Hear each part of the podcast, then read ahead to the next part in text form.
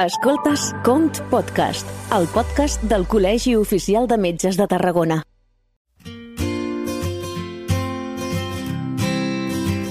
Benvinguts a una nova temporada dels Com Podcast. Com ja sabeu, Com Podcast és una secció que us apropa les novetats en matèria de salut, les darreres notícies en el món de la investigació o les històries més interessants que els metges i metgesses del Camp de Tarragona i de Terres de l'Ebre tenen a explicar. I en aquest primer Com Podcast de la temporada us parlarem del banc de sang i teixits, perquè tothom el coneix, però també eh, sabem com realment funciona? Doncs avui ho descobrirem així que per explicar-nos en profunditat el banc de, de sang i de teixits tenim amb nosaltres el director i a la coordinadora del Camp de Tarragona i de Terres de l'Ebre, en aquest cas el doctor Albert Soleil i la doctora Núria Vilanova. Benvinguts. Gràcies. Gràcies.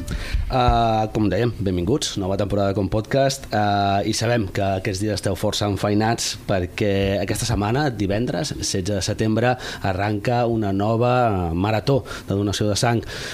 Sí. De forma resumida, com aneu? Bé, doncs patint una mica, no?, perquè és una marató que la fem en dos dies, encara estem una mica en pandèmia, i serà el divendres 16 i el dissabte 17, tot el dia, de 9 a 9, i bé, doncs animem a tothom que, que ens escolti, que vingui, que encara hi ha moltes reserves per omplir, i tenim les reserves al Banc de Sang i Teixits molt baixetes, i ens anirà molt bé, doncs, aquesta marató per poder omplir-les després de l'estiu, que sempre ens fa patir.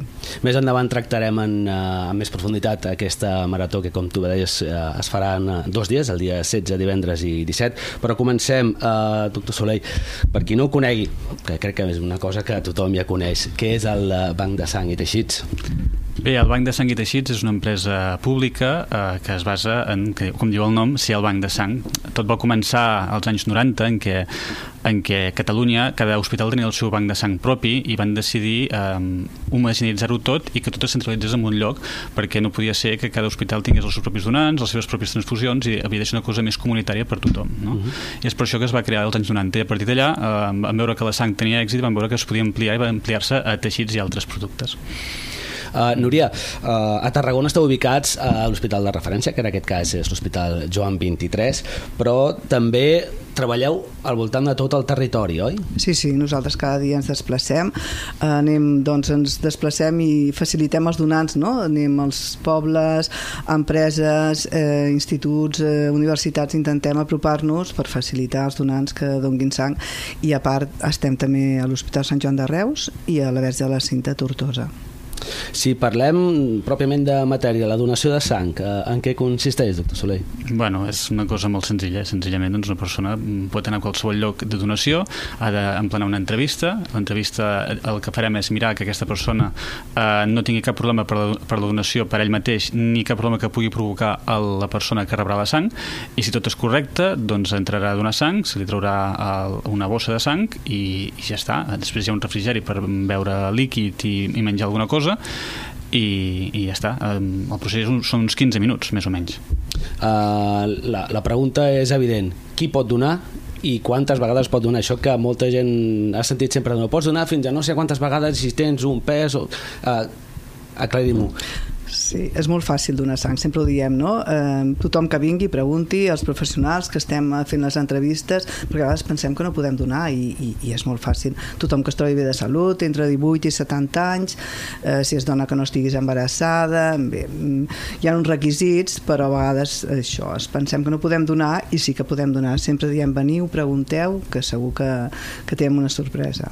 Potser la, la cara o la, façana, la, la vessant més coneguda de, del banc de sang és la donació de, de sang pròpiament, però més enllà d'això també n'hi ha d'altres, oi, de, de, de donacions? Ui, n'hi ha moltes. Fem, de, fem de 5 cèntims. Sí, doncs. només, només començant per la sang, la sang es divideix en diversos pro, uh, productes, vull dir, pots donar només sang, sinó també pots donar plasma uh Mm-hmm. -huh. o pots donar plaquetes, pots donar els tres productes. Però a part, uh, també hi ha l'opció de donar moll d'os, eh? uh, que això en principi és un procés bastant més llarg i en principi el primer dia que vens a donar moll d'os només et traguem un tub de sang. En tot cas ja explicaríem al donant que vingués a donar moll d'os, que això és pels trasplantaments de moll d'os que poden necessitar amb els pacients amb leucèmies. Uh Mm-hmm. -huh. Després hi ha tot el tema de les embarassades embarassades i a les gestants, en què eh, les gestants també poden eh, donar eh, sang de cordó umbilical quan neix el, el nen, també pot donar placenta, que la placenta també es fa servir eh, per, sobretot per fer coliris, eh, i per acabar també poden donar llet materna quan hi hagi imparit a les mares, o sigui, eh, hi ha bastanta cosa a donar. Per altra banda, també tenim les donacions de, podríem dir-ne, post-mortem, no? en el cas en què pacients que ja estan en mort cerebral i que no hi ha res a fer, doncs també se'ls pot treure els teixits, no? que per això ens diem banc de sang i teixits, i allà doncs, podem treure tendons, ossos, eh, bueno, us podeu imaginar tot i més. Exprimim els donants fins al màxim.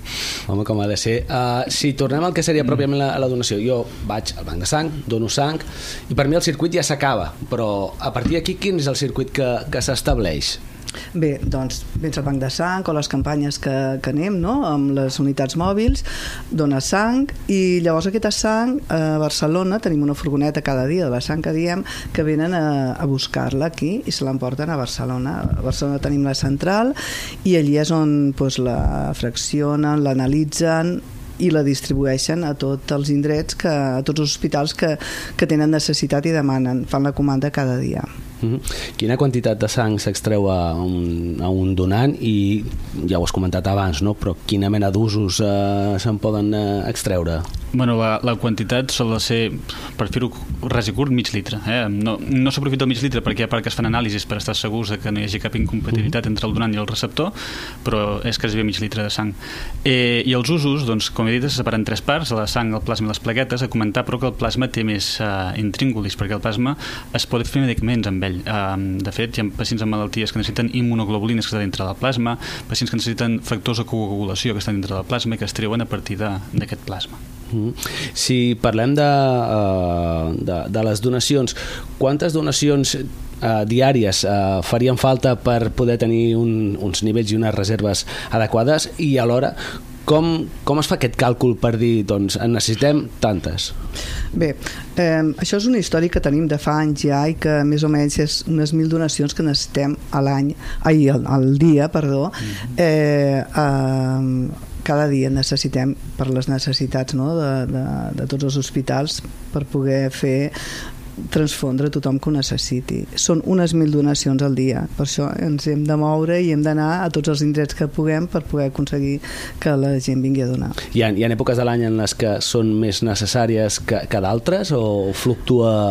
Bé, hi ha èpoques de l'any que patim més, no? quan són doncs, Nadal, Setmana Santa, a l'estiu, perquè doncs, ens relaxem tothom, no anem a donar sang perquè evidentment doncs, fem vacances i no pensem en això i nosaltres patim molt aquestes èpoques per això ara quan surts d'un estiu ens va molt bé fer campanyes així grans com maratons per poder omplir aquestes reserves que tenim a dia d'avui molt baixetes mm -hmm. Darrerament també havíem conegut que, que Banc de Sang eh, Banc de Sang ha impulsat una altra eh, mena també de, de, de projecte que en aquest cas són les eh, transfusions a, a domicili si no ho tinc mal entès com, sí. com funciona i, i vosaltres entenc que ho dueu a terme també a, a aquesta, a aquesta pràctica? Bueno, sí, aquí el també ho fem, eh, això és un projecte que va començar arrel de la pandèmia, abans la pandèmia no existia, però mm. clar, va arribar la pandèmia, es van tancar molt les portes a tot arreu i es van tindre que buscar maneres de fer les coses diferents. I una cosa que es va mirar va ser doncs, intentar transfondre pacients que, en vez de, que no vinguessin a l'hospital per, perquè tindrien risc d'agafar el Covid, doncs que es poguessin transfondre a casa. I això va començar, va ser un projecte iniciat sobretot a Barcelona, a Terrassa i Vallebron, si no m'equivoco, va començar, i aquí vam agafar un pelín més tard, però vam començar sobretot, vam, va iniciar a Reus, mm. però ara ja ho portem també a Jo 23. Jo 23 i a Reus són els dos centres de, de la província que ho fan. És un procés que requerim de, de l'ajuda de l'hospital, perquè de fet qui transfon és l'hospital, l'unitat d'hospitalització a domicili, se'n diu, no? que se'n van a les cases a transfondre i nosaltres estem de suport del, darrere en què els hem format per saber com ho han de fer i ens hem ajudat amb tot.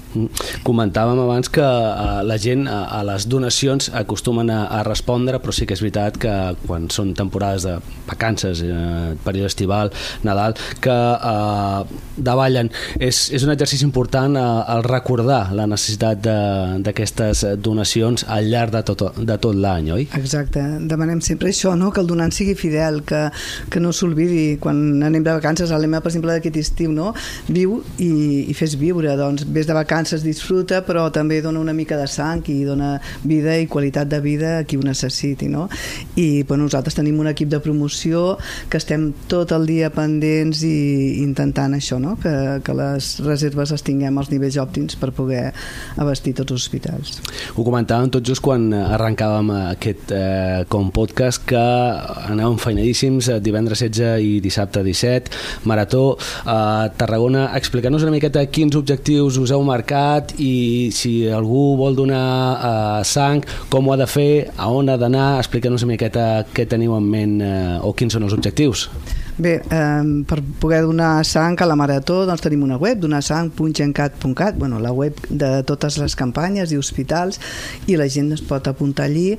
I nosaltres sempre ho diem eh, encara que pel que sigui no t'has pogut apuntar perquè, jo que sé, no et funciona l'ordenador, no m'ha anat tu passa igualment perquè segur que hi ha un forat i podrem donar sang.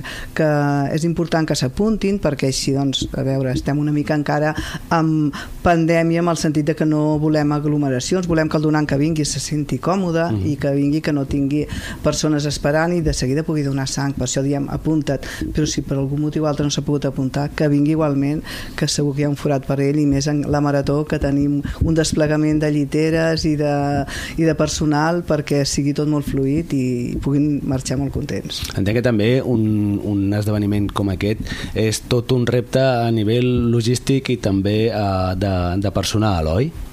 Sí, sí, és un repte total. Pensa que Tarragona, a més, és la ciutat eh, que, amb més donants en un dia que, que han vingut. Doncs vam arribar a tenir, no sé, 1.700 persones en un dia. 1.700. T'estic parlant de fa uns quants anys, però, clar, en un dia jo crec que era, eh, és la marató més gran de, de Catalunya, d'Espanya, d'Europa, jo diria del món, perquè jo no he sentit mai que en un dia vagin 1.700 persones a donar sang, i Tarragona ho han aconseguit.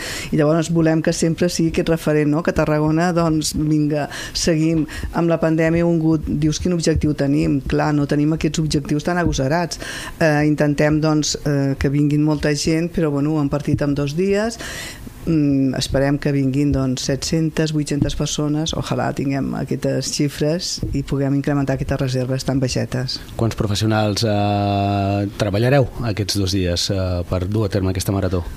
Bé, doncs, mm, bastant. No els hem comptat, però, sí, però no sé, doncs, una trentena, jo crec sí, que deuen jo crec anar. que sí.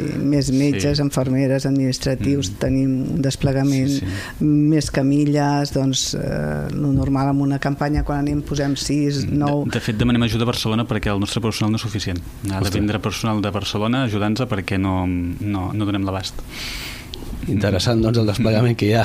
Sí, sí, sí. Doncs ja ho sabeu, el divendres 16 de setembre i 17, dissabte, us esperem a la marató de donació de sang del Banc de Sang i Teixits. Doctor Albert Soler, doctora Núria Vilanova, director i coordinadora, en aquest cas, del Banc de Sang del Camp de Tarragona i Terres de l'Ebre. Moltíssimes gràcies per apropar-nos a tot el que s'amaga i tot el que hi ha darrere del Banc de Sang i esperem tenir-vos de nou en un com podcast ben interessant. Gràcies. Moltíssimes gràcies a vosaltres. I als qui ens escolteu i ens veieu, ens eh, tornem a veure en un, com, en un com podcast ben interessant la setmana vinent. A reveure.